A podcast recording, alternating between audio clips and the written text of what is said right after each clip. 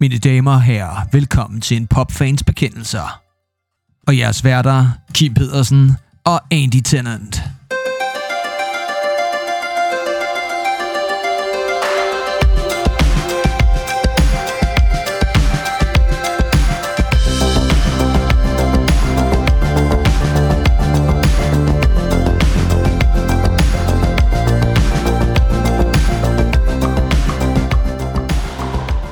Ja, og så blænder vi op for en helt ny podcast. Og øh, den hedder Noget om musikken. Eller noget om musik, eller noget ved musikken. Det har vi faktisk ikke helt fundet af lige nu, men det er alle sammen gode navne. Mit navn er Kim Pedersen, og øh, ved, med mig, sådan digitalt i hvert fald, på grund af, af lockdown og afstand og sådan noget, der har jeg jo dig, Andy Tennant, min gode ven. Ja, jeg sidder lige her i øh, det herrens... Ah, det er vel ikke det herrens strøbede, men i hvert fald strøbede. Er der mange religiøse mennesker i stedet?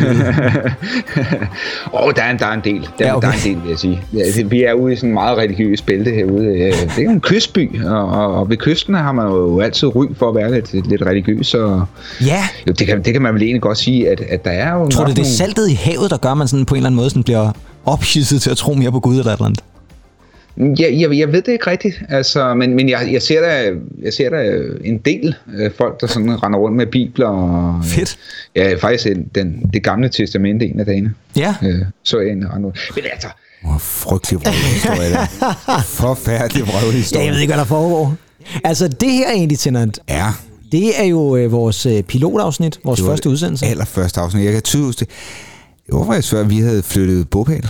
Ja, det var det, for Det var der boede I stadigvæk i Strøbyet. Både Strøvede, ja, Strøvede, som jo nærmest er blevet... Ja, der holdt Gud i hvert fald ikke øh, hånden over øh, Nej, og vi snakker i, nærmest, øh, vi snakker nærmest om, om, Stormfloden. ja, om, om vand og alt muligt andet her, ja, Ja, så det er jo lige ja, før, vi ja. nærmest har været sådan helt profetiske på en eller anden måde. Ja. Men I lytter altså til noget ved musikken, og nu er vi i nutiden, fordi ja. Ja. det vi var her, det var jo faktisk vores aller, aller, aller første forsøg på at lave en podcast egentlig. Og det var jo en aften tilbage den, ja det var i januar, som jeg husker Det var det. Det var sådan i noget januar. 15. En januar eller sådan rockhold aften. Rockhold aften, hvor vi simpelthen satte os ned og prøve at se en gang, kan vi lave en podcast, ja. Ja. som på en eller anden måde kan være noget, som andre udover os selv gider lytte til. Ja, fordi vi, vi, det er jo ingen hemmelighed, at vi to altid har, du, ah, du har altid mest øh, leget med, med, med radio, Med du har også, ja, du har også leget med ilden, og, og du har jo været gammel radiovært i tidernes morgen på diverse lokale stationer, men så kan man sige, vi to har også engang lavet noget, der hedder Sniper Awards, hvor Ja, det det var jo øh, vores lille awardshow, som vi havde for os selv. Ja, Det fremragende. det var fremragende af vores show. Ja, det var det virkelig. Og, og som vi kun selv hørte vel. ja, vi var de eneste lytter til Ja. det Awards show, tror jeg. Men Andy, du har fuldstændig ret. Det altså, vi har jo lavet flere ting sammen, men det her det var første gang, hvor vi sådan tænkte, nu skal vi altså prøve et eller andet. prøver vi. Og nu synes vi, det kunne være meget sjovt at starte med noget af vores allerførste. Man kan jo lytte til hele vores pilot. Det er ikke nødvendigvis, jeg er sikker på, hvad anbefaler vi gør, Ah. eller man gør. Måske. Ja, det, det er godt nok vildt. Altså, jeg, altså, jeg synes jo, du lyder fremragende, men du har også en god forbindelse. Jeg, Ja, men du var jo også, Jeg men det var lockdown og alt det ja, der. jeg ikke? havde en tvivlsom øh, forbindelse der, ikke? Ja. Kan du regne ud, hvorfor vi har valgt at starte med det her, eller jeg har valgt at starte med det her? Ja, det er jo fordi, vi har jubilæum. Ja, det er nemlig rigtigt. Vi er nemlig i gang med vores afsnit nummer 50, og det skal yeah. altså siges, det er vores normale afsnit nummer 50, fordi vi har faktisk i virkeligheden lavet, det her det er faktisk afsnit nummer 132, Gud, hvor er det vildt. eller afsnit 131, hvis du spørger Spotify. Åh oh, ja, Ja, I know what ja, den, skal vi, den skal vi ikke ud i. Det er ikke lige nu i hvert fald. Men prøv at jeg. høre, ja, altså tiden går, og, øh, Ja, og vi, vi, vi, vi sidder stadig. jo, vi har samme øh, hårkulør, tror jeg, som vi havde der for to og et halvt Ja, år siden. Vi er ikke blevet mere gråhåret af det, skal jeg sige. Åh, ja, oh, jeg er så- måske lidt faktisk virkelig. Ja, ja, men jeg får altid høje. Jeg har jo haft høje tændinger hele mit liv nærmest. Ja, ja. Jeg tror, jeg blev født med høje tændinger. sted. høje. Ja, det tror jeg faktisk, jeg er.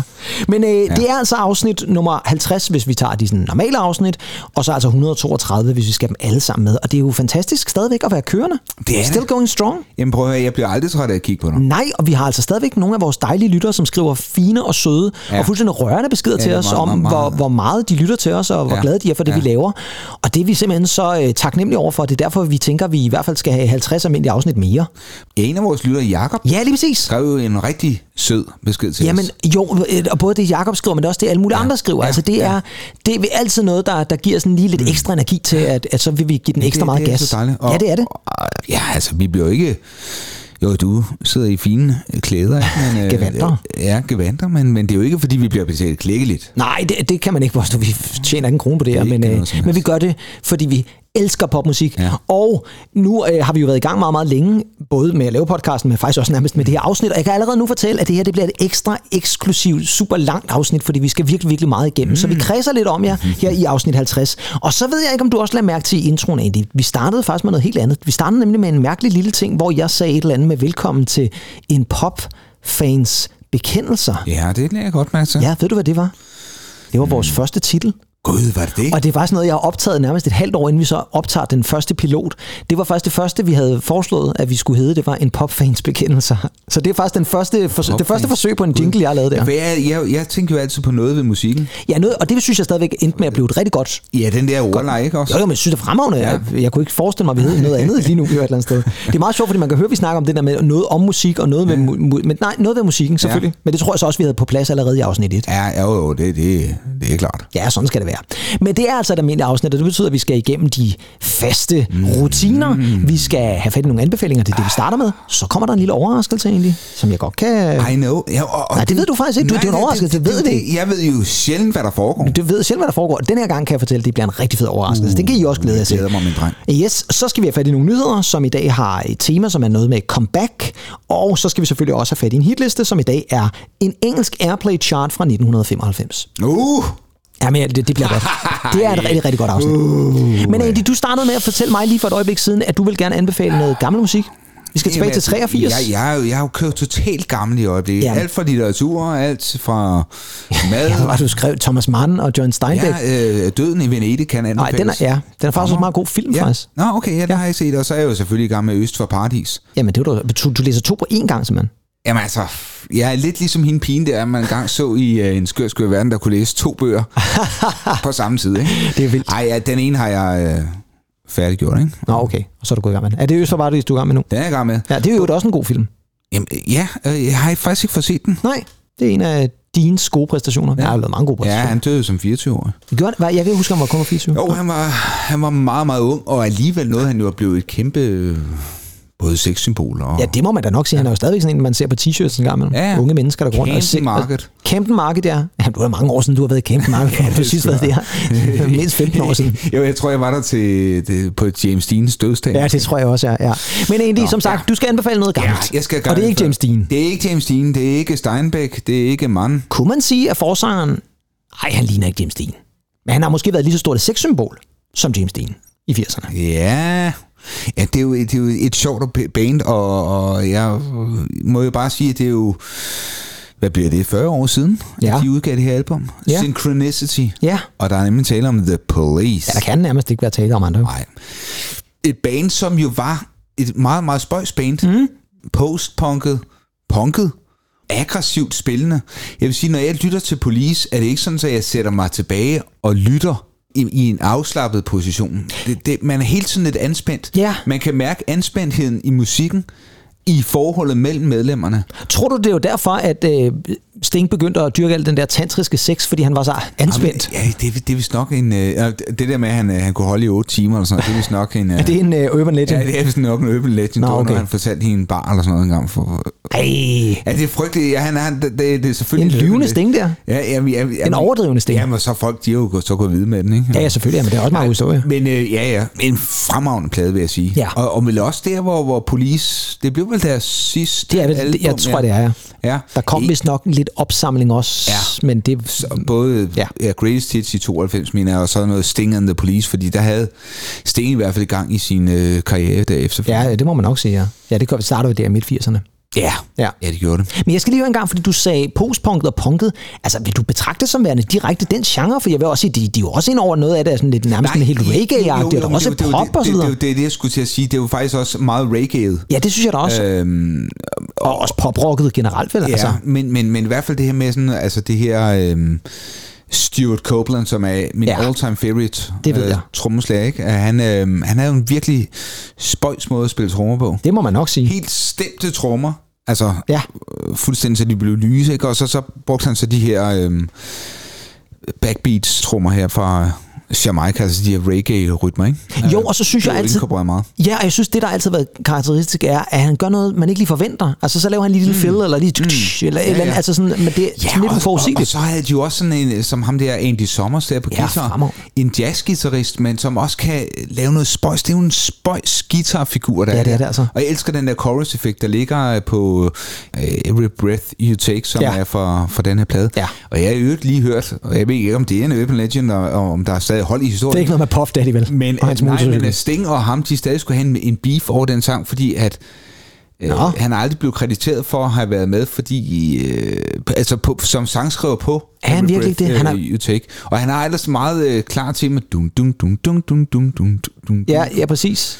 Ja, det er rigtigt. Er det Ja. simpelthen ikke... Nå, Det er det det lyder da helt... Det, altså, det er jo måske også en urban legend Det her. Vi det er starter med masser af det urban legends her. Kan, kan hjælpe os. Ja, måske ja. ja. Det, Ja. lyder, det lyder alligevel vildt, vil jeg sige. Men egentlig, vi skal jo ikke lytte til Every Breath You Take. Nej, vi For det vil også være for kedeligt på en eller anden måde. Det er et godt nummer, men... Jamen, ja, ja, ja det, det er et ganske, ganske godt nummer. Men jeg vil, jeg vil sige, at mit yndlingsnummer på den plade her er det, der hedder Wrapped Around Your Finger. Ja, Og der vil jeg altså også lige skynde mig at sige, hvis man ikke har set The Police på deres reunion tour, det er i 2007-8 stykker. hvis man ikke lige havde billet til den. Hvis man ikke lige har billet til den, så kan man jo altid se den på YouTube. Ja. Og der findes også en fantastisk version for deres reunion tour af den her sang, Ja. hvor Stuart Copeland har en meget stor percussionistisk rolle. Okay. Så det er en anbefaling. og. Fuldstændig. Og den måde, han bare, altså, jeg, ja, jeg, jeg ved sgu altså den måde, han bare kan slå på lille på, det, det er magisk. Det ser simpelt ud, men, men øh, det er nærmest kun ham, der kan gøre det. Men jeg vil også sige, at han er altså også sådan en, der altid bliver nævnt, når man snakker med sådan nogle trommeaficionader, så siger de altid Stuart Copeland. Ja. Ja. Altså, han er ja. Ja. en held i den verden, tror jeg. Jamen, det er fuldstændig. Ja, men øh, lad os da få øh, viklet Sting og Company og Copeland og Summers over, øh, ja. over rundt om lillefingeren måske i lige virkeligheden. præcis. Her er det altså Wrapped Around Your Finger og The Police.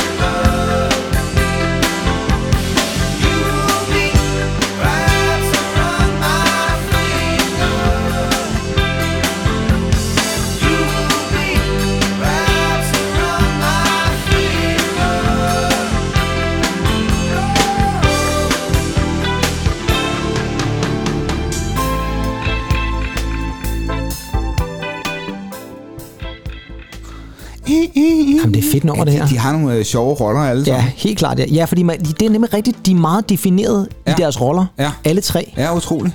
Og så er der jo de her historier øh, om, omkring den, ikke? Øh, deres indbyrdes forhold i stedet. Copeland der og Sting, som jeg nærmest ikke kunne øh, ja, udstå hinanden. Men alligevel havde de også brug for hinanden. Jo, og jeg tror også stadigvæk, de på en eller anden måde øh, holder af hinanden, Ja, det selvom og selvom de har svært ved at samarbejde, og, Ja, og, og, ja. og, og der altid bliver lidt skænderier. Men jeg tror også, der var noget med, at Copeland var ham, der ligesom startede bandet, og det var ligesom ham, der var frontmanden, og så Ja. ja. Sting nærmest med at overtage det. Ja, så vidt jeg ved, så var det noget med, at han stiger ind i en togvogn, hvor Andy Sommers sidder.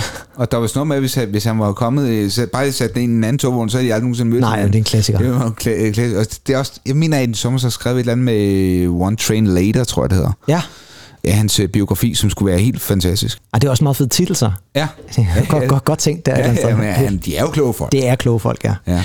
Men uh, Andy, et dejlig anbefaling også lækkert at få hørt lidt af The Police, som jo øh, ikke er det, man normalvis hører radioen. Altså jo, man hører The Police i radio, men ikke det her nummer i hvert fald. Nej, det er det ikke. man er måske også mere fristet af altså de kommercielle radiostationer til at spille en af klassikerne. Men det her burde jo være en klassiker i virkeligheden. Men lidt sjovt, du lige har valgt The Police, fordi jeg har faktisk også kastet mig over en gut, som var rigtig stor i 80'erne, faktisk også i 70'erne, og egentlig også i 90'erne. Øh, men jeg har taget noget helt nyt med fra den her kunstner, mm. fordi øh, jeg har nemlig tænkt mig at anbefale noget Peter Gabriel. Nej. Ja, fordi øh, Peter Gabriel kommer jo med et nyt album. Ja, det gør han jo. Og det er det første album der udkommer siden op i 2002. Altså det første album med et helt nyt materiale. Hold da op. Det er, ja, det må du nok sige. Hold da op. okay. Ja, ja, jeg synes, det var meget god. Ja, det var meget god. Hvis jeg havde, har vi jinglerne? Ja, Ja, skal, vi, skal vi lige have den? Skal vi lige have den? Det skal tror jeg, det synes jeg lige, vi skal have. Yes, du får den lige en gang. Ja, for det, Ja, tak. Jeg synes, det var måske også lidt, lidt, lidt gavmildt, når- i og med, at du ikke selv bemærkede, at du lavede joken et eller andet sted. Nej, det gjorde du altså ikke. Fuldstændig vanvittigt. Men det er altså ja. som sagt det første album med nyt materiale fra Peter Gabriel i 21 år. Ja. Og det er jo nærmest sådan et savnomsbundet album. Det er lige før det er sådan helt Chinese Democracy øh, standarder, fordi det er jo et album, der blev startet helt tilbage i midten af 90'erne. Altså der gik han i gang med at lave det her album. Og så kom der altså op albummet, du ja, bliver ved, ja. øh, i Hold da op, 2002. Øh, og så skulle det her album faktisk være udkommet i 2004, men ja, det skete så ikke, og så har Peter Gabriel i mellemtiden lavet en masse andre ting og sager, og han har faktisk udgivet nogle albums, men øh, med coverversioner af sine egne numre og andres. Men 1. december udkommer Peter Gabriels I.O.-album, for det er det, det hedder. Mm. Og øh, det er jo en mand, som jo startede som forsanger i Genesis. Det har vi jo snakket om før. Går ud i 75. Kommer med sit første soloalbum i 77, som hedder Peter Gabriel. Og Ja. så kom der en masse andre album, som også hed Peter Gabriel. Det hed de jo alle sammen. Og så blev de kendetegnet, kan du huske det, af hvordan coveret så ud. Så der var en, der hed noget med en bil, og der var noget af hans ansigt, der smelter, eller Nå, et eller andet, ja, sådan, så det ja, hedder ja, bare, det hedder bare ja. Melt og så videre. Ikke? Men de hedder faktisk bare Peter Gabriel.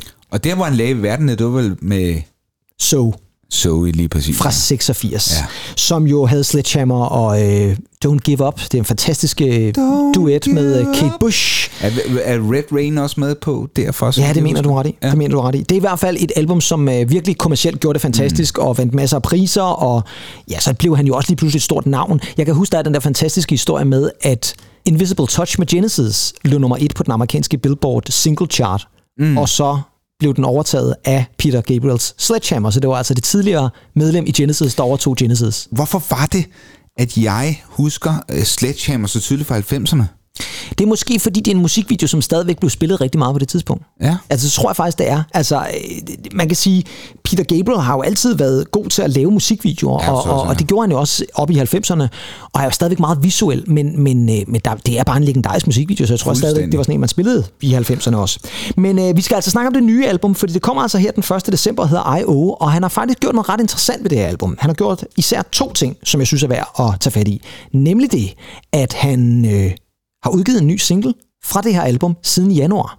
Og han udgiver altid en single, når det er fuldmåne. Mm. Så hver eneste måned siden januar har der altså kommet en single Med fra Peter. Gabriel hver fuldmåne. Og så har han gjort noget andet også, fordi han udgiver dem i to forskellige versioner. Mm. Han har lavet en såkaldt bright side version og en dark side version.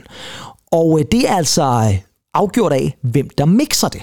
Altså, det er simpelthen to forskellige mix af sangene. Og når vi siger mix, så er det altså ikke remix, vi er ude i, men altså hvordan de er mixet, altså hvilke instrumenter, der ligger forrest i mixet, og mm. hvor, hvor ligger vokalen og så videre. Er der nogle andre ting, som ligesom bliver fokuseret på? Og det er altså ikke to hvem som helst mixer, han har fået fat i. Fordi Darksiden, den er mixet af Chad Blake, en af verdens bedste mixere, men Brightsiden er mixet af selveste Mark Spike Stent, som Uh, vel nærmest er verdens bedste mixer. Han er Ja, ja, fantastisk ja, ja. og har lavet for rigtig, rigtig mange. Så det er også ret interessant, når man lytter til numrene, så kan man lytte til to forskellige versioner af dem. Jeg vil så sige det sådan, jeg har lyttet mest til Brightside-versionerne, fordi det er også sådan lidt svært, fordi forskellen er ikke så store, og man bliver sådan lidt forvirret. Hvad, hvad, hvad, var det den ene, eller var det den anden? Mm-hmm. Men øh, nu kommer albumsen altså, og de kommer selvfølgelig også i to forskellige versioner. En Brightside-version og en Darkside-version, og man kan selvfølgelig også få en udgave, hvor begge to er på, så kan man jo sammenligne.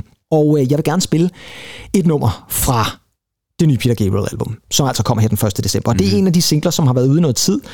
Og øh, det er et nummer, som jeg faktisk bare synes er super Peter Gabrielsk, fordi han har altid været virkelig god til at...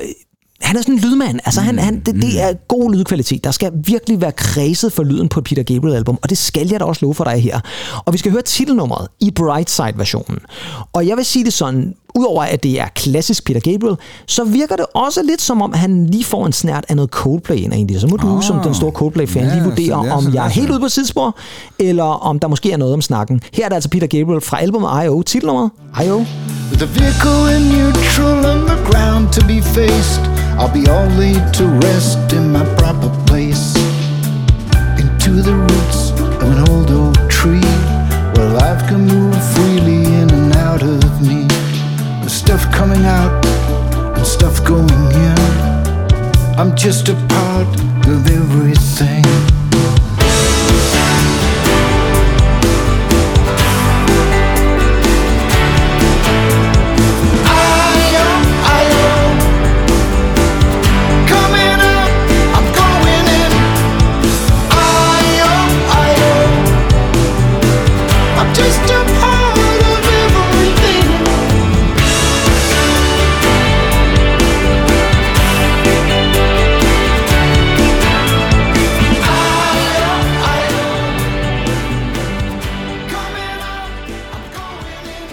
Godt. Jeg, Du kan godt se, hvad jeg mener, ikke? men, men alligevel vil jeg også sige, at det er meget Peter Gabriel. Det er sindssygt Peter Ja. Gabriels, det her. ikke? Jeg synes, det er virkelig det godt lyder, nummer. Det lyder virkelig godt. Det er et rigtig, rigtig godt nummer, og det er et godt lydende nummer også. Man kan ja, bare ja. høre, Ja, hvor er flot flot. produceret og mixet det er. Og øh, Brian Eno har selvfølgelig Ja. også været involveret. Han spiller noget sødt på nogle af numrene, og har også været med ind over producer-knapperne på et par enkelte numre. Men ellers er det faktisk Peter Gabriel selv, der har produceret en stor del af albummet.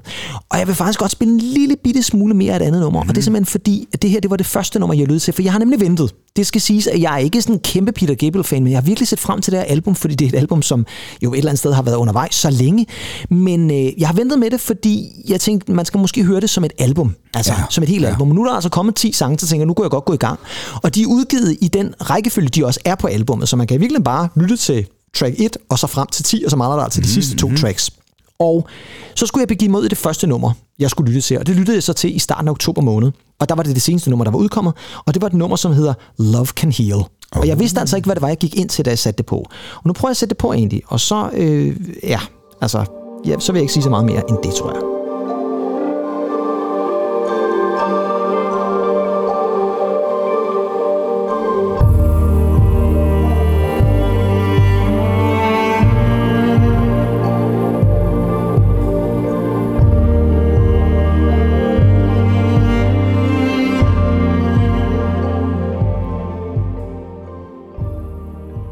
Skal nok få lov til at lytte til noget mere af det, men allerede der havde jeg Ej, næsten det er lidt tårer i meget, meget, øjnene. meget smukt. Det er meget, meget, meget smukt. Og det her det er så Brightside-versionen. Det her det er altså Love Can Heal fra Peter Gabriel.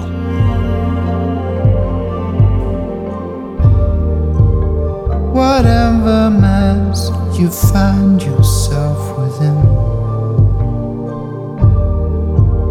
regardless how you got there,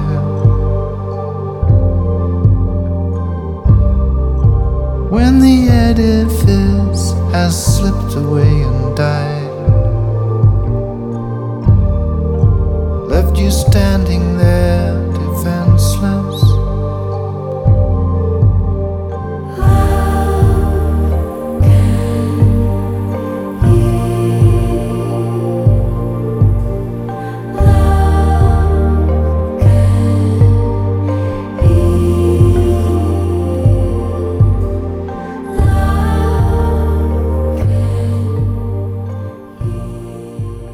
Ja, jeg må ærligt indrømme, at, Ja, at, det er at meget, meget, meget smukt nummer. men jeg havde næsten lyst til, at nogen kom og gav mig et kram, efter ja. jeg lyttede til dem, og det er rørende og smukt, og, og, og der er noget sådan helt hypnotiserende over det her. Ja, og så er det ja, jo det fedt at høre, at Peter Gabriel lyder som Peter Gabriel stadigvæk. Det, jeg sidder og tænker på, at det, det er jo som at høre om fra, fra nogle af de der øh, Genesis-plader i 70'erne. Fuldstændig. Ja. Og så den fordi nu har jeg lyttet til, til albummet, fejl, ikke hele albumet, men som sagt de sidste to mm. numre, men det er, det er virkelig godt. Nej, hvor er det godt. Ja, og hvor er det det godt produceret, lyttes, og hvor er det godt spillet, og hvor er numrene også bare meget forskellige men hænger sammen på sin vis alligevel. Det er altså et album, som jeg helt klart skal anskaffe mig. Og øh, ja, altså Peter Gabriel, man har jo lyst til at lytte til en masse Peter Gabriel, og det gamle også nu, øh, efter man har lyttet til det her. 100%. Men altså 1. december udkommer der altså I.O., det første Peter Gabriel-album, i 21 år. Hvorfor I.O.? Ja. Øh, ja, det er et godt Er det spørgsmål. sådan noget AI, I.O.? Ja, måske Ja, et eller andet ja, sted, er men det er jo lidt den der Ja. tusse, men igen, det er også lidt Coldplays på en eller anden måde faktisk. Ja, det der, ja, måske. Ja. Jeg ved, Chris Martin måske i virkeligheden øh, gemmer sig bag Mark Spike Stent. Nå, ja, det kunne da godt Ej, være, ja. ja, det tror Ej, jeg. det vil alligevel være vanvittigt. Så har han også været i branchen i mange år, øh, inden, inden Coldplay. Det vil også være ret sindssygt. Revealet fuldstændig. Ja, fuldstændig, ja. Men Andy, Ja. nu skal vi til det. For nu kommer der lige en lille overraskelse.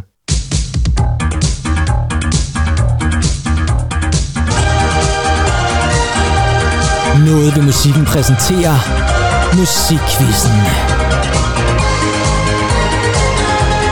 En quiz med kærlighed til popmusikken.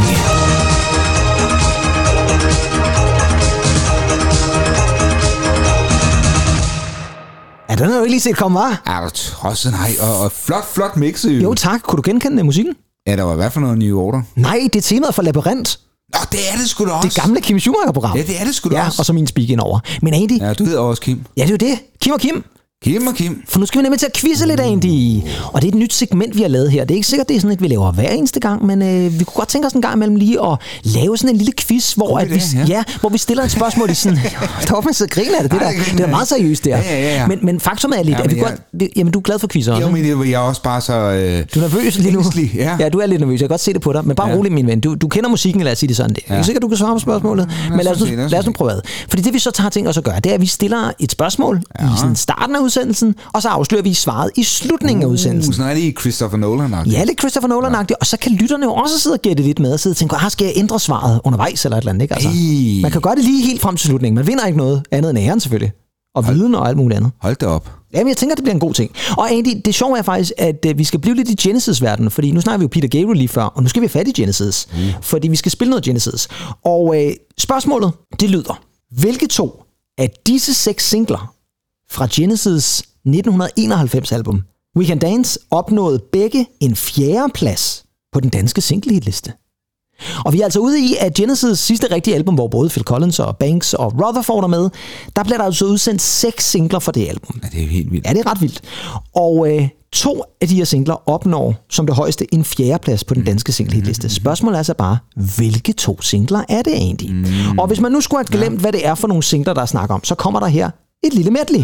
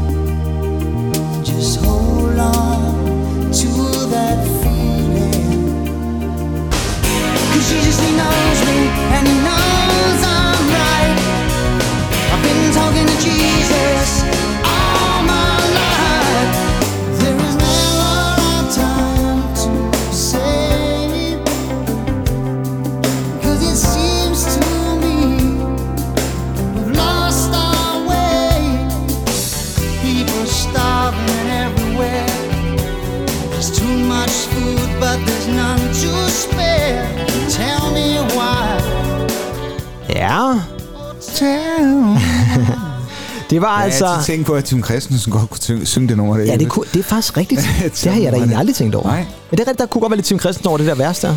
Et vidunderligt album. Det er et rigtig Men godt album. Hold da op. Ja, Det er også et meget langt album. Nu snakker vi jo om albums og længder. Ja. For eksempel, jeg tror nærmest, det er sådan 72 minutter eller sådan noget. Uh, ja. Det er meget, meget langt. Ja, men det var også i CD'ens tid nu her, ikke? Jo, og jeg synes faktisk godt, der er også. Pladecoveret er frygtelig grimt. Ja, det er ikke så godt. Og jeg synes faktisk også, der er et par enkelte numre, jeg ville have fjernet, hvis det var mig. Mm. Men sådan er det. Øh, der var altså seks singler her, Ja. og det var i den kronologiske rækkefølge ud fra, hvornår de blev udgivet. No Son of Mine, I Can Dance, Hold On My Heart, Jesus He Knows Me, Never a Time, og til sidst her altså Tell Me Why. Ja. Og Andy, nu har du så resten af udsendelsen til lige at gå og tænke lidt. Jamen, jeg, jeg ja. har et bud allerede. Ja, det er godt. Men øh, du får først lov til at komme med budet okay. Til aller, aller sidst. Jeg skal nok skrive med. Skal du simpelthen skrive det ned også? Ja. Ja, okay. Jeg skriver det. Ja, du tager det meget seriøst, men det er også fedt. Sådan der. Du må helst ikke sige. Åh, oh, nu skal jeg lige passe Ja, du skal på. lige passe på mikrofonen også nu. Du vil ikke se, hvad jeg skriver her. Sådan der. Okay, men altså, i slutningen af udsendelsen skal vi nok afsløre, hvad det er, der er de rigtige svar. Og så kan I lytter jo også sidde og gætte lidt med på, hvilke to af de her singler, som opnåede en fjerdeplads på den danske single-hitliste. Men nu må det være tid til nyhederne. Noget ved musikken præsenterer nyheder fra musikkens verden.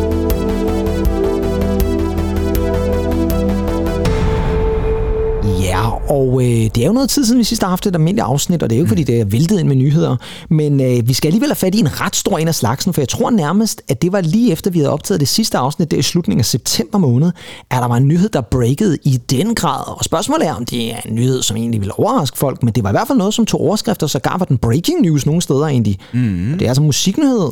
Ja. Vi er over i kriminalverdenen. Fordi efter 27 år er mordet på Tupac oh, ja, det er måske rigtigt, ja. opklaret. Ja.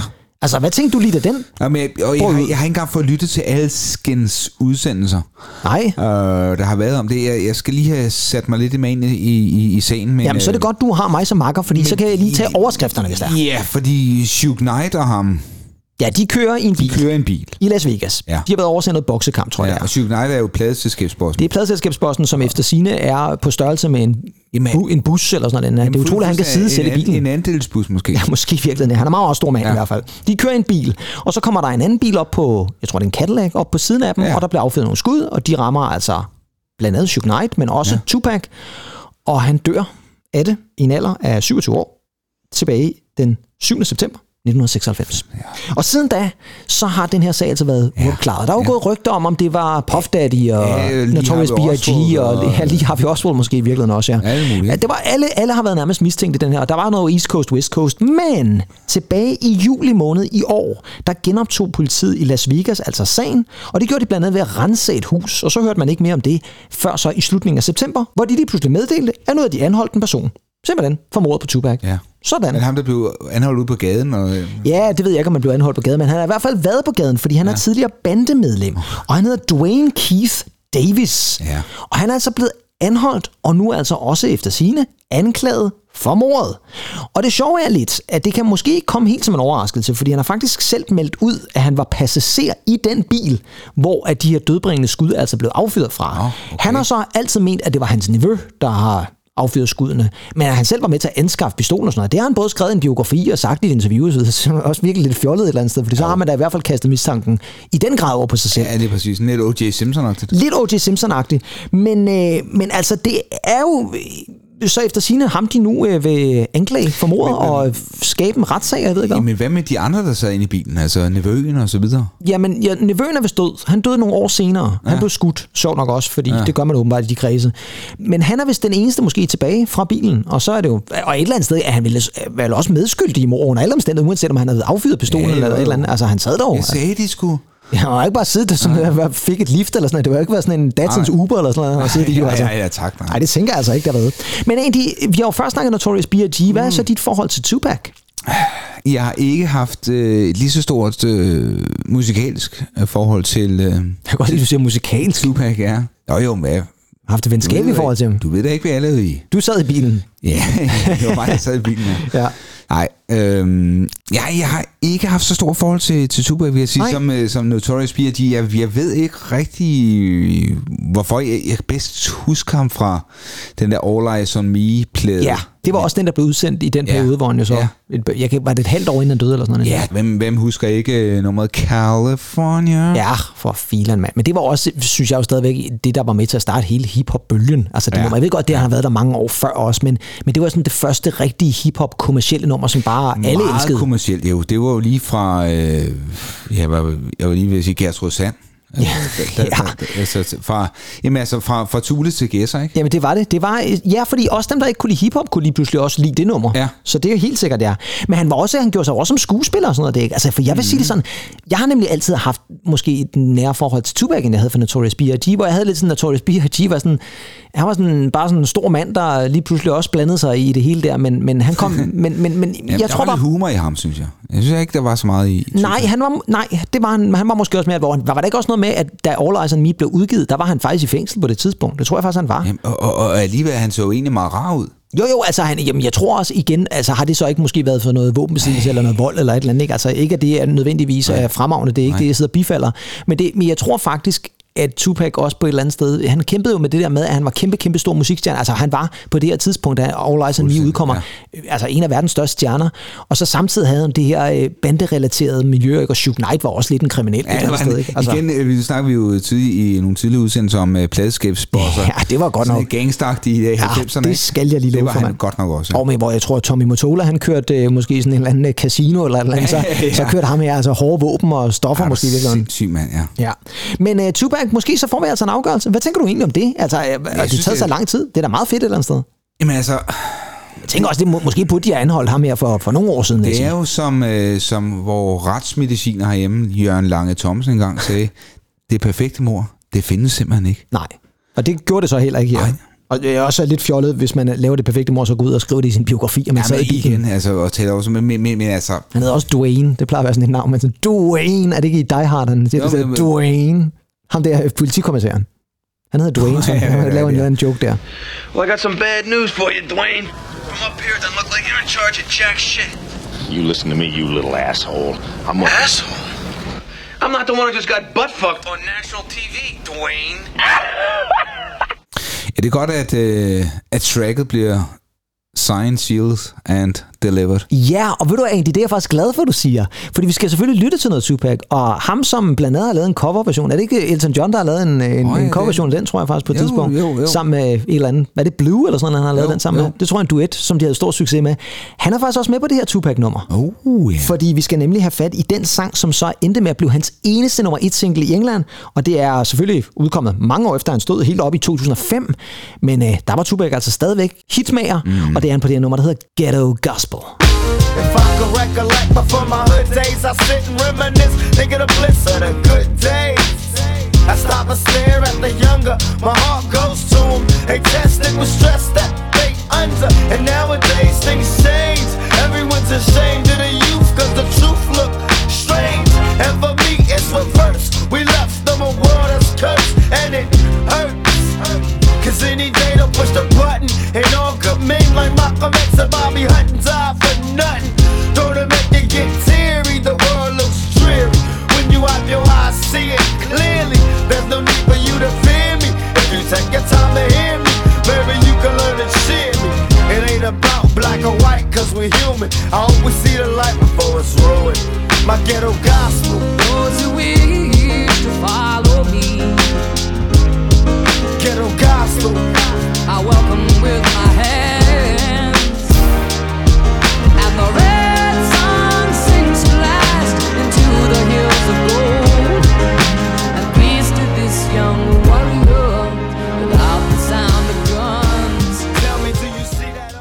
Altså meget fed måde at bruge det her sample på. Hold kæft, er det godt egentlig. Ja, en gammel Elton-sang der tilbage fra starten af 70'erne, der hedder mm. Indian Sunset, mm. som altså blev samlet på Ghetto Gospel her fra Tupac, som altså gik nummer et tilbage i 2005 på den engelske single-liste. Mm. Ja, og øh, Andy, øh, er Tupac muligvis den kunstner, som har udgivet mest efter hans død? Ej, der vil også Elvis og nogle andre ting, altså, men er ny, er nye sange, altså, det, det er jo helt vildt. Altså, der er kommet så sindssygt meget, altså man oh, skulle nærmest tro, at manden var i live. Wink, wink. Åh, Har du med dine, konspirationerne dine, der. øh, dine konspirationsteorier. i dag. Ja, men der er udgivet rigtig meget ja. med Tupac efter hans død, må man sige. Jamen, det er der da. Ja. Øh, jeg synes jo altid, det er utroligt så meget, man, man lægger ind med. Ikke? Også, hvad, Jo, jo. Hvad, hvad lægger du egentlig ind med at, af, af, mine, af mine ting og Ja, sager? dine gamle ting, ja, der ja. ligger rigtig, rigtig meget. Men det her nummer er jo faktisk ja. oprindeligt fra 92, hvor det ja. Ja. blev udgivet, og så er det så remixet. Ved du jo, hvem der remixede det egentlig? Mm. For det synes jeg faktisk godt, man kan høre. Nu siger du ikke Mike Sparks Dent. Nej, det gør jeg ikke, nej. Um, Han er også mest mixer. Ja, ja, ja. Men remixer... Øh, Det er ikke mange remixer, han har lavet, tror jeg. når du siger det, så, så kan jeg måske godt... Er, er, det, er det noget... Er det svensker? Nej, det er Eminem. Nå, det er det måske. Det er simpelthen Eminem, der har remixet det. Ja, det havde jeg så ikke lige troet. Nej, men det er jo det, så når man hører det, så kan man faktisk godt høre, der er Ja. sådan lidt uh, lose yourself over jo, jo, beatet og nogle ting og så, Men altså, han lige frem skulle være inde over som... som øh, Det er simpelthen ham, der har produceret og, re- og remixet det. Han fik, Hold fik øh, simpelthen øh, ja, vokalsporene, og så fandt han noget Elton John. Det giver også god mening. Han var også fan af Elton John, eller jeg var fan af Ja, ja, død, så, men... så øh, må han jo også gå, fordi Dre har vel også samarbejdet med, med Tupac. Ja, ja, der er jo selvfølgelig noget samhørighed ja. der. Og han var jo også over i... Ja, nu var han så før Detroit, ikke? Men, men, øh, men han var vel mere West Coast, var han, ikke? Jo, E- Eminem, det, han, han, han tog jo til... Øh, Han tog til Vestkysten, til, ja. til, til, Bare lyt til, til Mockingbird, hans øh, sang der. Ja, ja, lige præcis, ja. Der får man hele historien. Der får du hele historien, ja. Men egentlig, vi skal også snakke om noget andet, fordi jeg sagde tidligere i udsendelsen, at vi snakker lidt med comebacks, og det her, det var lidt en comeback i forhold til politiet. politiet Ja, gjorde et comeback ja, der et eller andet sted. ja. Men nu skal vi også kigge lidt på nogle kunstnere, som gør comeback, fordi der er faktisk her over din næste måneds tid, eller sådan der er der nogle kunstnere, som faktisk udgiver albums, hvor der har været ret langt siden det sidste album. Og jeg har jo allerede nævnt Peter Gabriel. Mm-hmm. 21 år. Mm-hmm. Det må man sige er en chat. Men vi tager lige fat i nogle flere, fordi så får vi også spillet noget god ny musik og nogle kunstnere, som vel en eller anden sted også fortjener en gang imellem at få et shout-out. Og de første, jeg har taget fat i, det er et band, som faktisk lige har udsendt deres nyeste album. Det udkom nemlig her i sidste fredag, 20. oktober, og det er Blink-182. Uh, Ja, som har udsendt albumet One More Time. Og øh, det er altså deres 9. studiealbum, og det er det første album, hvor at Tom DeLonge han er med igen, siden det album, som hed Neighborhoods, som kom i 2011. Så det er altså første gang, de er samlet alle sammen igen, siden 2011, mm. altså 12 år. Hvad tænker du øh, om øh, Blink-182? Er det noget, du kan lide? Ja, det kan jeg sgu egentlig meget godt lide. Ja. Øh, Er det så igen trommeslageren? For jeg ved, du har Ja, et øh, kærligt forhold til Travis Barker. Ja, ja, ham kan, han kan virkelig godt lide meget, meget dygtig trommeslager. Ja, det må man nok sige. Også en, der har haft et øh, kulørt øh, liv, ikke? Øh, Oh. vel, vel en af det medlem, der er allermest kendt, altså sådan i den... Altså, Ja, der, det er jo var sådan noget sjovt. MTV, øh, der var alt muligt sådan noget... Der var sådan nogle programmer, kan jeg huske, om Ja. ham og hans øh, familie. Ja, der var noget reality med, ham. Meet the Barkers, tror Ja, det var der nemlig, ja. Ja. ja. Jo, og det er jo sjovt, fordi at jeg kan huske, at jeg så dem første gang, eller lagde mærke til dem første gang, der var de to andre, jeg lagde mere mærke til, faktisk. Ja, så vil jeg sige, øh, altså jeg synes jo, jeg synes det, det er meget fedt, det de lavede i gamle dage med, øh, hvad var det, det hed? Enemy of the State-albummet. Ja, ja, det var også kæmpe, kæmpe ja. stort. Ja, det er jo der, hvor der både er... Øh, jeg kan godt lide What's My Age Again. Det er stadigvæk mit ja, det, det, det er skide godt nummer, Ja, ja. fremragende nummer. Men øh, de er altså gået fra hinanden nogle gange, fordi i første omgang, så, øh, så blev de opløst i 2005, altså hele bandet. Mm-hmm. Men så øh, var Travis Barker jo øh, med i et meget alvorligt flystyrt, ja, Ja, hvor der var, ja. jeg tror, der var fire mennesker, Ja, der døde. alle og sådan noget. ham. Nej, jeg tror, der var to, der overlevede. Ja, okay, ja, jeg tror, der var to, der overlevede. Men han var så en af dem, og øh, blev meget, fik store forbrændinger osv., og så mm, sagde de sådan lidt, ej, det, det, vi, vi er nødt til at gå sammen igen, fordi nu har du overlevet, og det er måske et sign from God eller et eller andet. Og så øh, ja, gik de sammen igen i 2009, og Tom DeLonge forlod så bandet igen i 2014. De to andre fortsatte så, men så fik Mark Hoppus jo diagnostiseret kræft i, jeg tror det var sådan noget 2022 faktisk, måske sidste år. Og så fik de igen Tom DeLonge med og sagde, jamen så er vi lige nødt til, så, så spørgsmålet er om... Men om er han det- ikke helbredt? øh? jeg tror, han er helbredt, ja, ja. Men det er lige så meget om det der med, at jeg tænker, skal der sådan nogle voldsomme ting til for at få mm. Blink-182 til at samarbejde? Det lyder alligevel ja, ja, ja, lidt vildt, det, det, det, det kan sgu godt være. Altså, det er jo, det er jo et eller andet sted meget smukt øh, broderskab, de faktisk Ja. øh, har. Ikke? Ja, det må man sige. Øh, altså, man kan jo nogle gange sige, det er jo nogle gange de store tragedier, der bringer folk sammen igen. Jamen, det er rigtigt, det er rigtigt. Men vi skal lytte til noget nyt musik fra ja. Ja. Blink-182. Så jeg har taget et af de numre fra det her nye album, som altså hedder One More Time. Og det her, det er altså klassisk Blink-182, hvis du ja. spørger mig. Det her, det er et nummer, som øh, har samme titel som et The Killers nummer, men overhovedet ikke lyder som The Killers, skulle jeg sige. Det er When We Were Young.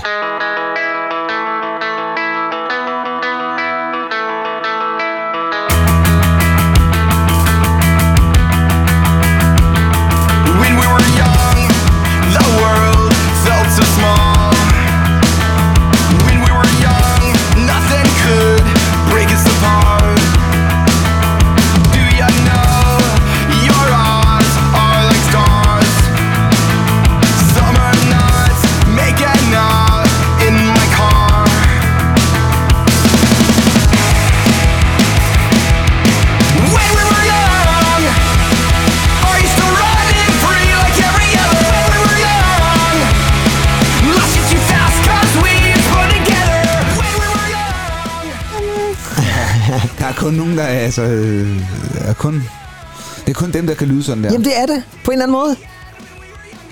When we were younger. Ja. Jamen, jeg kommer til at tænke på sådan noget... Øh, altså, jeg skulle helt tilbage i tiden, sådan noget starten under sådan Jamen, det er noget, det. øh, Aston Kutcher-film eller sådan noget. det er lyden af en Ashton Kutcher-film, ja, Ja, det er ja. 100 procent, ja. Og det er altså det nye album fra Blink-182, som altså er udkommet, så det kan man altså sagtens gå ud og lytte til med det samme. Vi tager lige ja. en mere, fordi et andet band, nu skal vi helt tilbage i tiden til et band, som faktisk har eksisteret siden 1978, Andy Tennant. Uh. Og de har på fredag, det vil sige i dag, hvis man lytter til os på udgivelsesdatoen, den 27. oktober, der har de udsendt deres 14. studiealbum, det første siden 2017. Og det er OMD, Åh, oh, ja. synth præcis. Ja. som jo stadigvæk er bestående af Andy McCluskey og Paul Humphries, som jo også var med til at danne bandet der tilbage i slutningen af 70'erne. Og de har altså også været brudt op. Jeg tror nok, Paul Humphries gik ud der i slutningen af 80'erne og kom så tilbage i 2006, mens Andy McCluskey sådan har fortsat, han fortsat lidt længere, og så var der også en periode, hvor de slet ikke lavede noget. Men nu er de altså tilbage igen, og der er altså seks år siden, at de sidste har udsendt et album. Og øh, jeg, Orchestral Maneuvers in the Dark. det er nemlig den fulde ja. titel på OMD, Orchestral ja. Maneuvers in the Dark. Og det nye album hedder Bauhaus Staircase, og det synes jeg simpelthen er en fantastisk titel. Ja. Og hvis man ser coveret, så er det også bare klassisk OMD, og jeg er lige ved at tro, det er Peter Saville, som er jo også deres faste grafiske coverdesigner, som har stået bag det, for det er meget Peter Savilles. Og, og Bauhaus skal jo altså ikke... Det er ikke butikken Bauhaus. Det er vi ikke ude hos... Øh, ude i, ude i Nej, selvom det også kunne være en staircase derude fra, ja, måske. det kunne det godt være. Ja, det kunne det faktisk godt Det er være. vel øh, kunstformen, eller hvad? Ja, kunstnere, ja, Ja, ja måden, gruppen, ensemblet, ja, ja, et eller andet. Bauhaus, ja, ja. ja, lige præcis. Jeg er 100% sikker på, det er det, de refererer til. Og musikken, ja, det er klassisk OMD.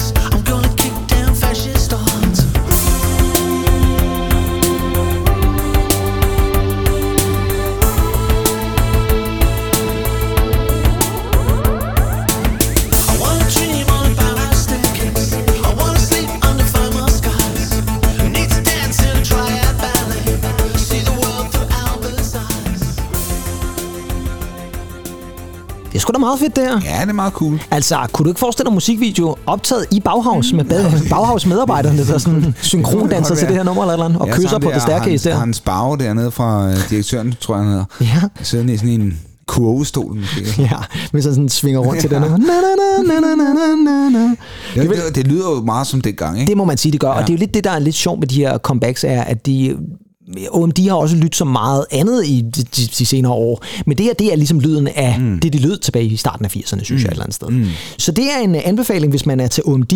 Så skal vi have fat i en gruppe, som simpelthen overgår Peter Gabriel. Fordi Peter Gabriel, det var 21 år. Andy, den næste gruppe, Mm-hmm.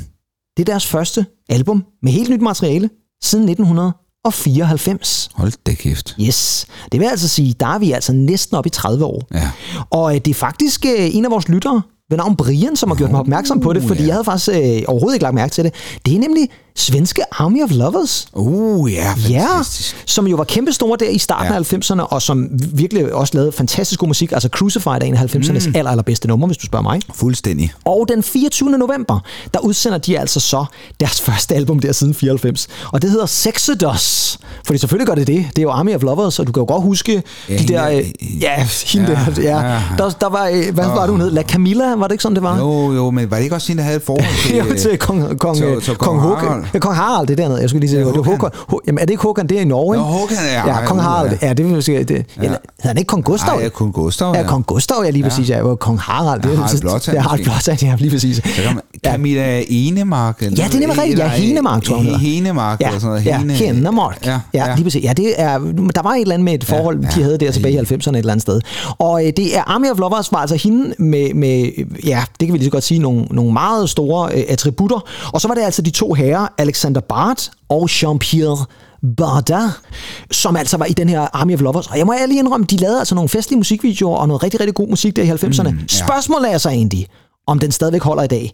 Jeg vil sige det sådan, nu skal vi lytte til et nummer fra det her kommende Sexodus album, og det er den første single, der blev udsendt, og øh, nu viser du mig jo et billede af, er det sådan, hun ser ud i dag? Ah, det er det vel Nej, ikke. det kan det ikke være. Det kan det ikke være. Det er det i hvert fald. Ja, det, det, der, kla- det er klassiske ja. Crucified billede, der ja. Nå, men vi skal lytte til noget ny musik fra Army of Lovers, og jeg har valgt det nummer, som hedder Love is Blue, og der vil jeg altså sige, det er klassisk Army of Lovers med et snært af ABBA. Liberté. Égalité. Maternité. Army of Lovers versus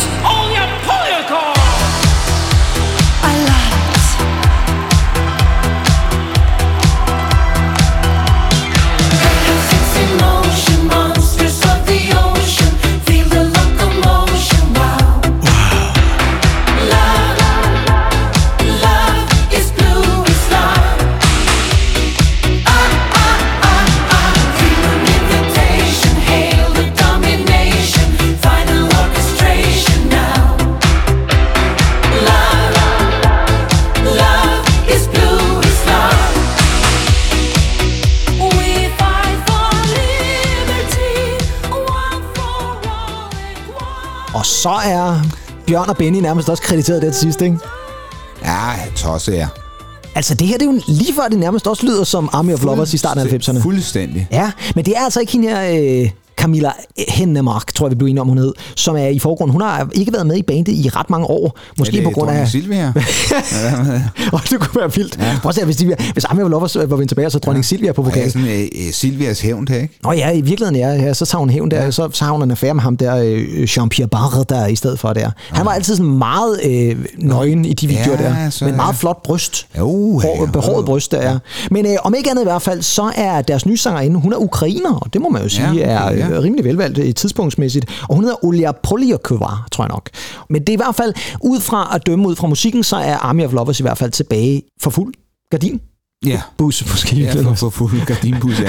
Hvad blev det, det, gardinbus? det, hvad blev det i gardinbussen? Hvem så hun får et forhold til Zelensky? Åh, Ja, okay, det, det, nu bliver det mere og mere politisk underligt, det her, ja. Nå, men hans kone virker nu ellers også meget sød, vil jeg sige. Ja. Vi skal lige den sidste en med, Andy, og det er en af dine favoritter. Mm-hmm. Fordi de er nemlig også tilbage igen, og udsender deres 9. studiealbum den 24. november, samme dag som Army of Lovers. Og det har været en trio siden 2014, Mm. selvom der oprindeligt var fem medlemmer. Nu er der kun tre tilbage. Mm-hmm. Og det er deres første album siden 2017, Andy. Ja. Kan du regne ud, hvem det er? okay, der snød jeg dig lidt der. Ej. Endnu et spørgsmål. Endnu en quiz. Jamen, det må være Rolling Stones. Det er Take That. Take That, selvfølgelig. Ja. Sagde jeg Rolling Stones? Det gjorde du Det er jo simpelthen. fordi, de har også været fem. Ja, og de har lige udgivet et nyt album Ja, igen, ja. ja, det okay, er rigtigt, ja. ja, okay, ja. Men det er rigtigt, det er simpelthen Take That, som udsender albumet This Life. Ja, klassisk. Ja, lidt klassisk klassisk Take Take That-titel der. Ja. Og lige for god ordens skyld, så er det jo altså, som sagt, Mark Owen og Gary Barlow og Jason Orange, der er tilbage. Nej, Howard Donald. Er det Howard, der er tilbage? Howard, der er Det tilbage. er Jason, der går ud, Jason ja. er gået ud. Sådan egentlig. Det er godt lige at få alle detaljerne med. Og øh, Jason gik ud øh, lige efter, de havde lavet Progress-albummet, som, hvor Robbie Williams jo var tilbage igen. Ja, jo. ja, ja. Men de har altså ikke været øh, fuldtallige siden 2010, hvor det udkom. Men vi skal selvfølgelig lytte til et nummer fra det album egentlig. Mm. Og jeg har valgt anden singlen, som øh, hedder Brand New Sun. Og der er det altså Mark Owen, der får lov til at synge vokal. holding on. You're still the reason that I'm holding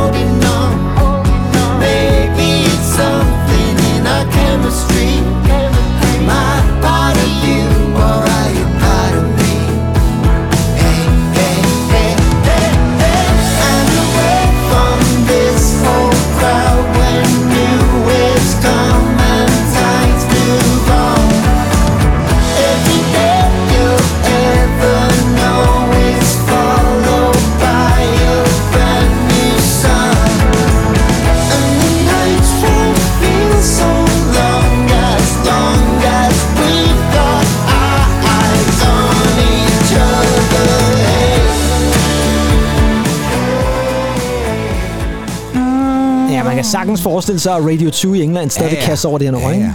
Og Gary Barlow-komposition. Ja, det lyder det meget som, vil jeg sige. Jeg, simpelthen, jeg ja. kan simpelthen ikke ud... Har Howard nogensinde sunget på et nummer? Howard har altid bare øh, Stået lidt i baggrunden. stået i baggrunden og, og, og mimet lidt med. Ja. Kan han synge? Ja, det er spørgsmålet. Mi er Nu er der kun tre tilbage. Han kan snart ikke gemme sig længere, jo.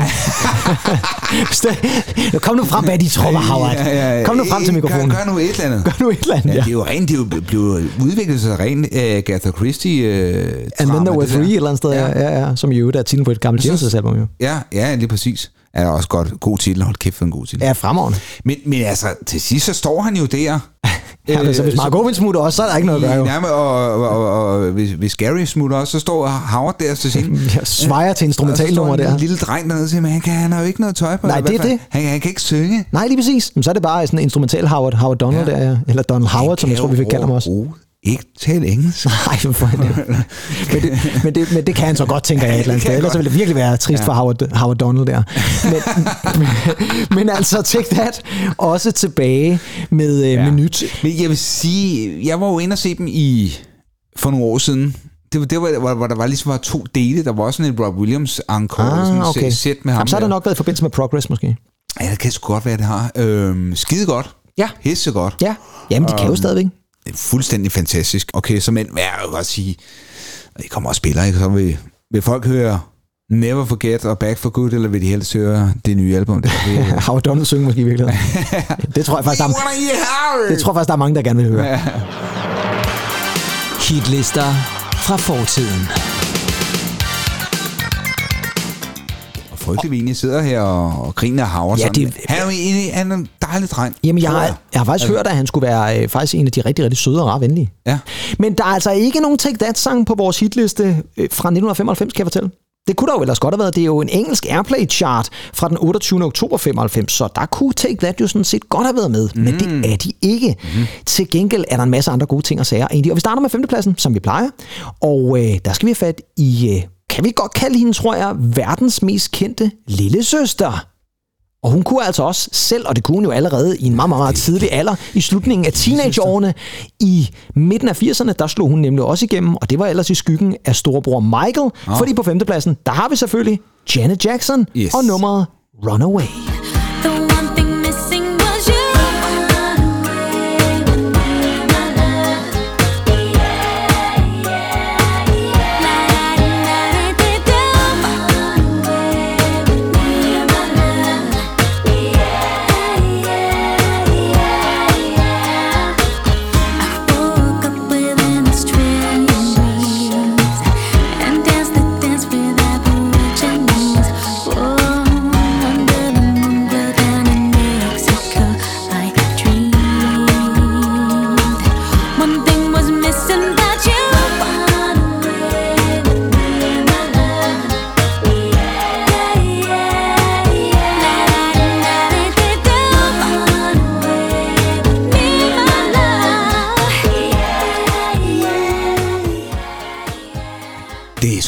Dejligt Det er produceret. glimrende nummer, det der. Ja, skønt nummer. Og det er jo de faste makkere, Jimmy Jam og Terry Lewis, der er indover som producenter. Det kan man godt høre i øvrigt, Ja, det kan man sige. Selvom det her er jo sådan lidt mere mellemøstlig lyd, hun har fået fat i. Ja, skønt, skønt nummer. Ja, kan du huske musikvideoen? Det er der, hvor hun er mange forskellige steder i verden, og så er altid sådan meget fint påklædt og står og danser lidt. Ej, det er også meget 90, ikke? Meget 90'er-agtigt, ja. Og at være forskellige steder i verden der. Jo. I sådan en musikvideo. Ja, lige præcis. Ja, det gjorde man faktisk meget i 90'erne Ja. af en eller anden årsag.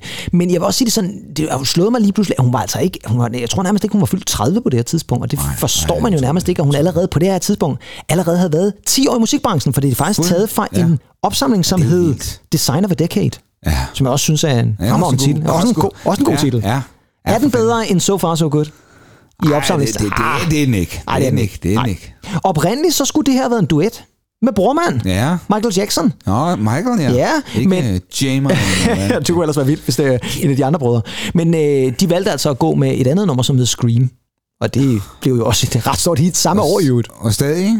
Apropos musikvideoer, den Ja, ja, dyreste okay. Ja. indtil videre. Ja, det er det. På fjerdepladsen egentlig, der har vi nogle gutter fra Skotland, som i 1994 havde en af verdens allerstørste hits nogensinde. Jeg tror, den lå nummer et på den engelske single-hitliste i sådan noget 15-16 uger eller sådan noget. Det var fuldstændig åndssvagt. Det var taget fra en film, der hed Four Weddings and a Funeral. Ja.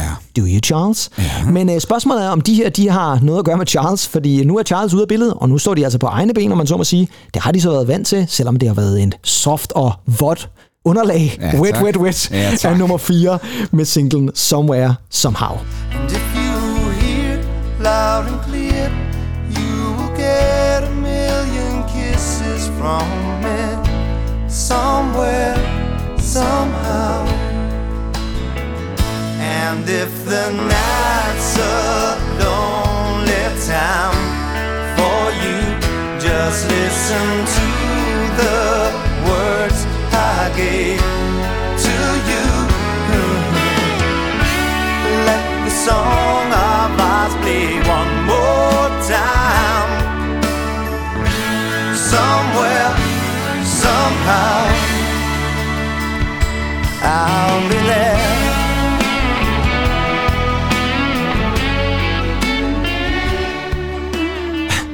Og så går der altså fuld Big Fat Snake i den her til sidst, altså et eller andet Ja, sted. der var lidt viskende der. Ja, det synes jeg lidt, der var.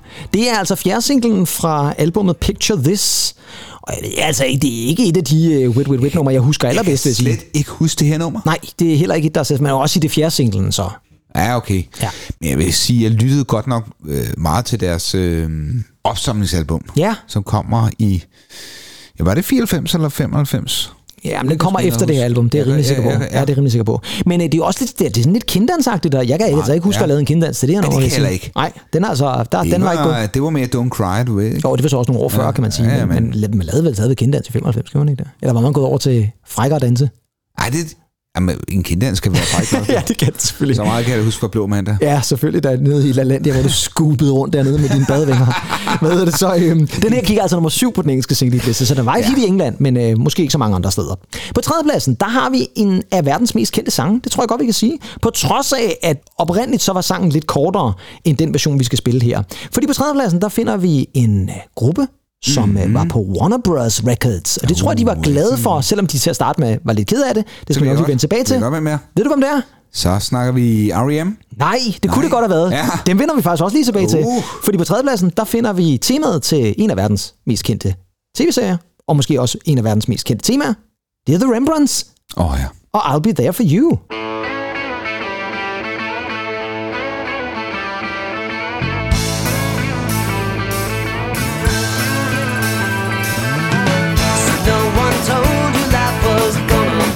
This way. Your job's a joke, you broke. Your love life's away. It's like you're always stuck in second gear. When it hasn't been your day, your week, your month, or even your year. But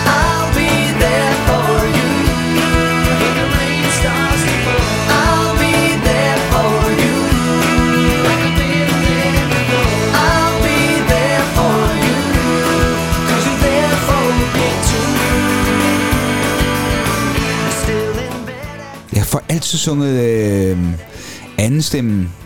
I'll be there for you.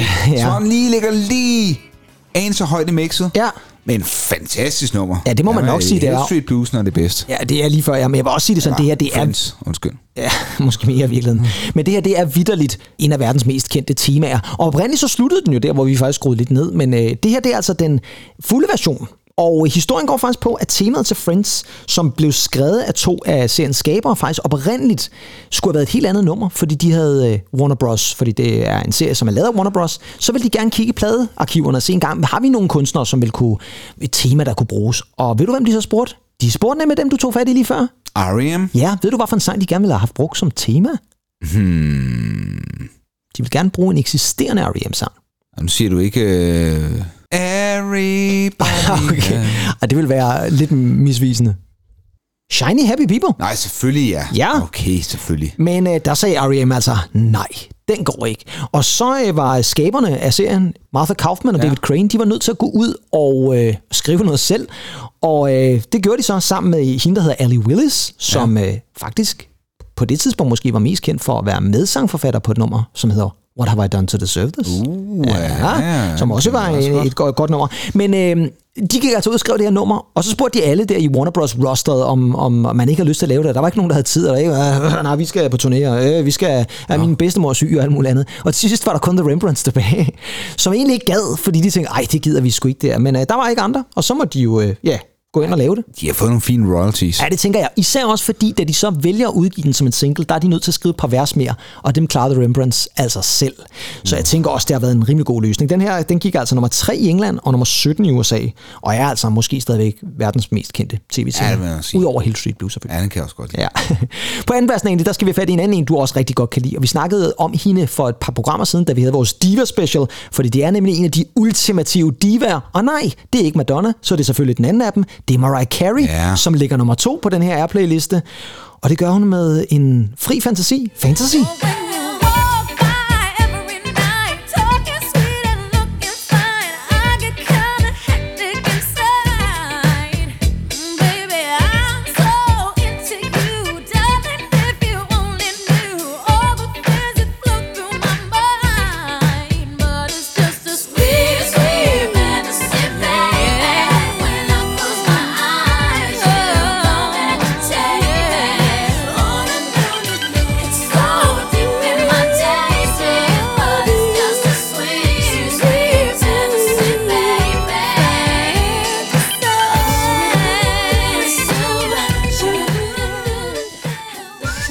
Så er du helt glad egentlig.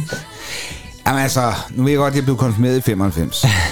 I april. Ja. Og Du lytter stadigvæk til Mariah. Mariah. Ej, det var en single, der udkom i september, tror jeg Ja, faktisk. det var det jo, så ja. ja. det er jo ikke noget, vi, vi hørte efter, at vi havde pludret rundt nede i vandet der og skulle op på sådan et... Øh, Ej, så har du fået fat i en meget tidlig udgave, vil jeg sige. Det er jo selvfølgelig ikke. Nej. Men jeg kan godt huske, at man dansede til den i, i, i 95. Ja, ja. Og det er altså første single taget fra albumet Daydream. Ja. Ja. Og det var altså et kæmpe stort hit. Den gik Kæmpe. nummer 1 i USA, nummer 4 i England. Og så er det jo altså der, hvor Mariah for første gang begynder sådan at vise noget hip-hop-lyd et eller andet sted. Der er det der, Mm.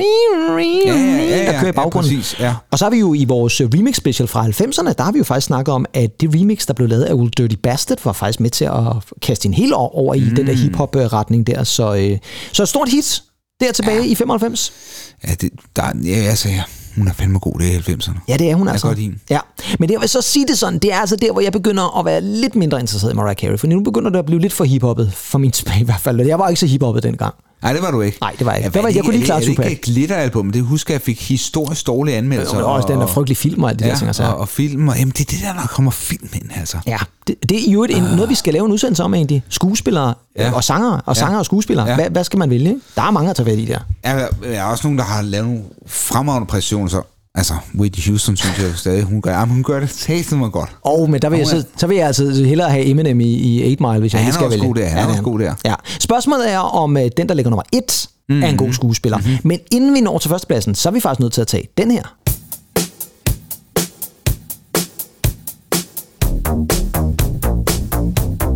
Noget ved musikken præsenterer Har vi ikke hørt den før? Har vi hørt den før?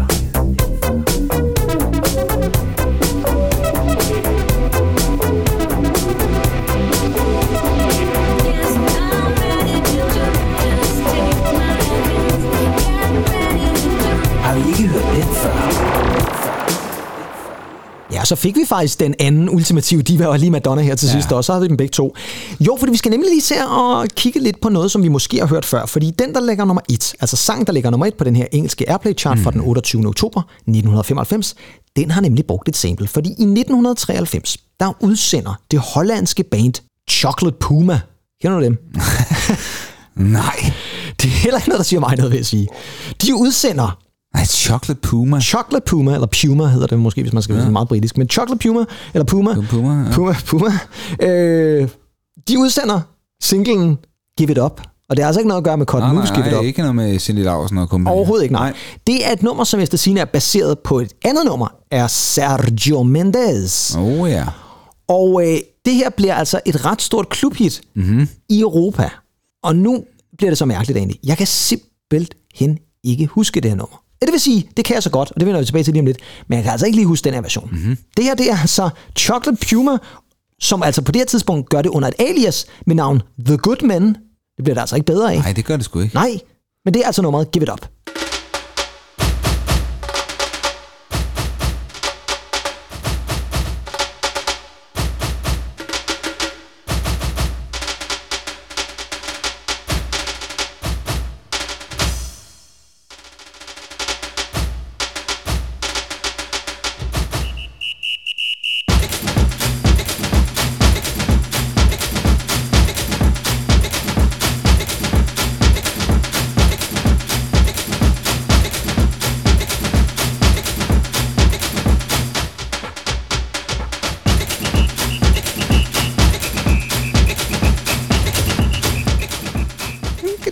Altså nærmest Kim Milton, der bliver ramt af Er et øh, fløjteanfald der eller et eller andet sted.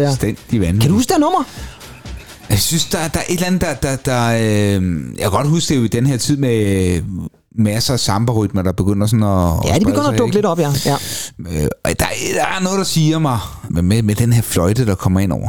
Ja, og det er faktisk lidt interessant, du siger det, fordi at jeg tror, at grund til, at jeg måske så alligevel kan genkende lidt ved det her nummer, det er så fordi, jeg kan huske, hvor den så er blevet samlet til. Fordi nu er vi så nået til førstepladsen, fordi i 1995, der skal bandet Simply Red Ja. udsende deres første single til opfølgeren til deres gigantiske mega succesalbum fra 1991, der hedder Stars. Ja, ja. Det var så kæmpe stor en succes, at den gik 12 gange platin i England. Altså 12 gange platin. Fuldstændig vanvittigt. Det var det bedst solgte album i England i 91 og i 92. Sindssygt. Og, og det, er, det siger altså en del. Der skal de så, så lave opfølgeren. Og Mick Hucknall, nu snakker vi jo tidligere om Sting og hans øh, seksuelle eskapader. Ja. Mick Hucknall, vi har fortalt historien før, ja, det er vist ja. noget med, at han har været i seng med, med hvad er det, sådan en, en tredjedel af alle Manchester-kvinder fra, ja. fra en vis årgang, eller et eller andet. Det er helt sindssygt. Men øh, han skulle altså så ud og lave en single, der kunne leve op til det. Og øh, der laver han singlen Fairground. Ja. Og øh, den bliver et kæmpe stor hit i England, og gør direkte ind som nummer et mm. på den engelske singlehitliste, og det gør den jo ikke mindst, fordi den også har været spillet rigtig meget i radioen op mm. til, og derfor ligger den selvfølgelig nummer et på denne her uges Airplay-chart. Og egentlig, lyt nu godt til, hvad der sker i baggrunden. It's always so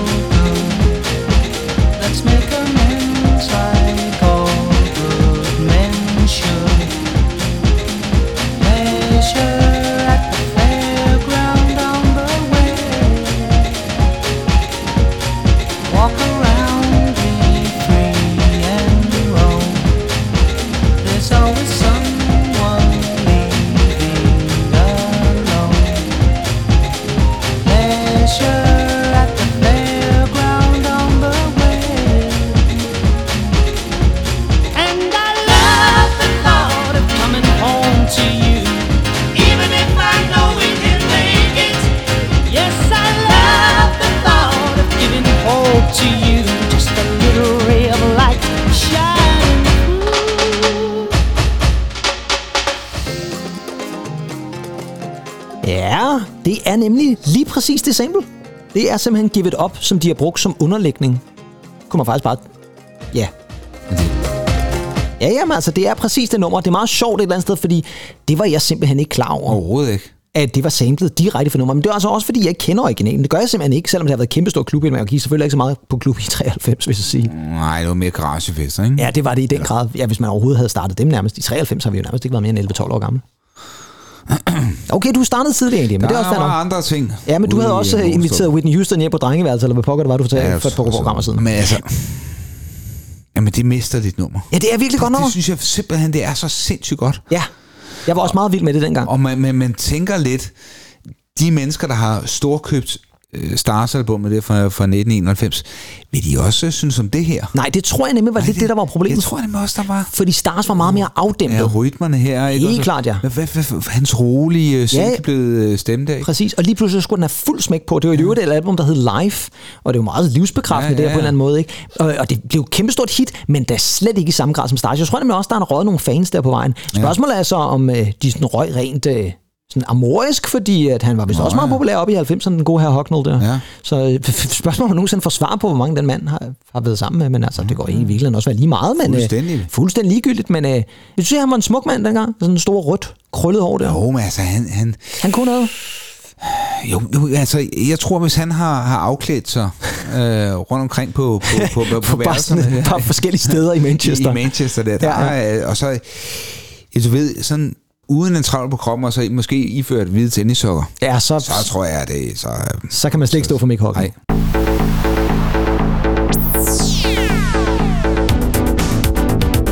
Her kommer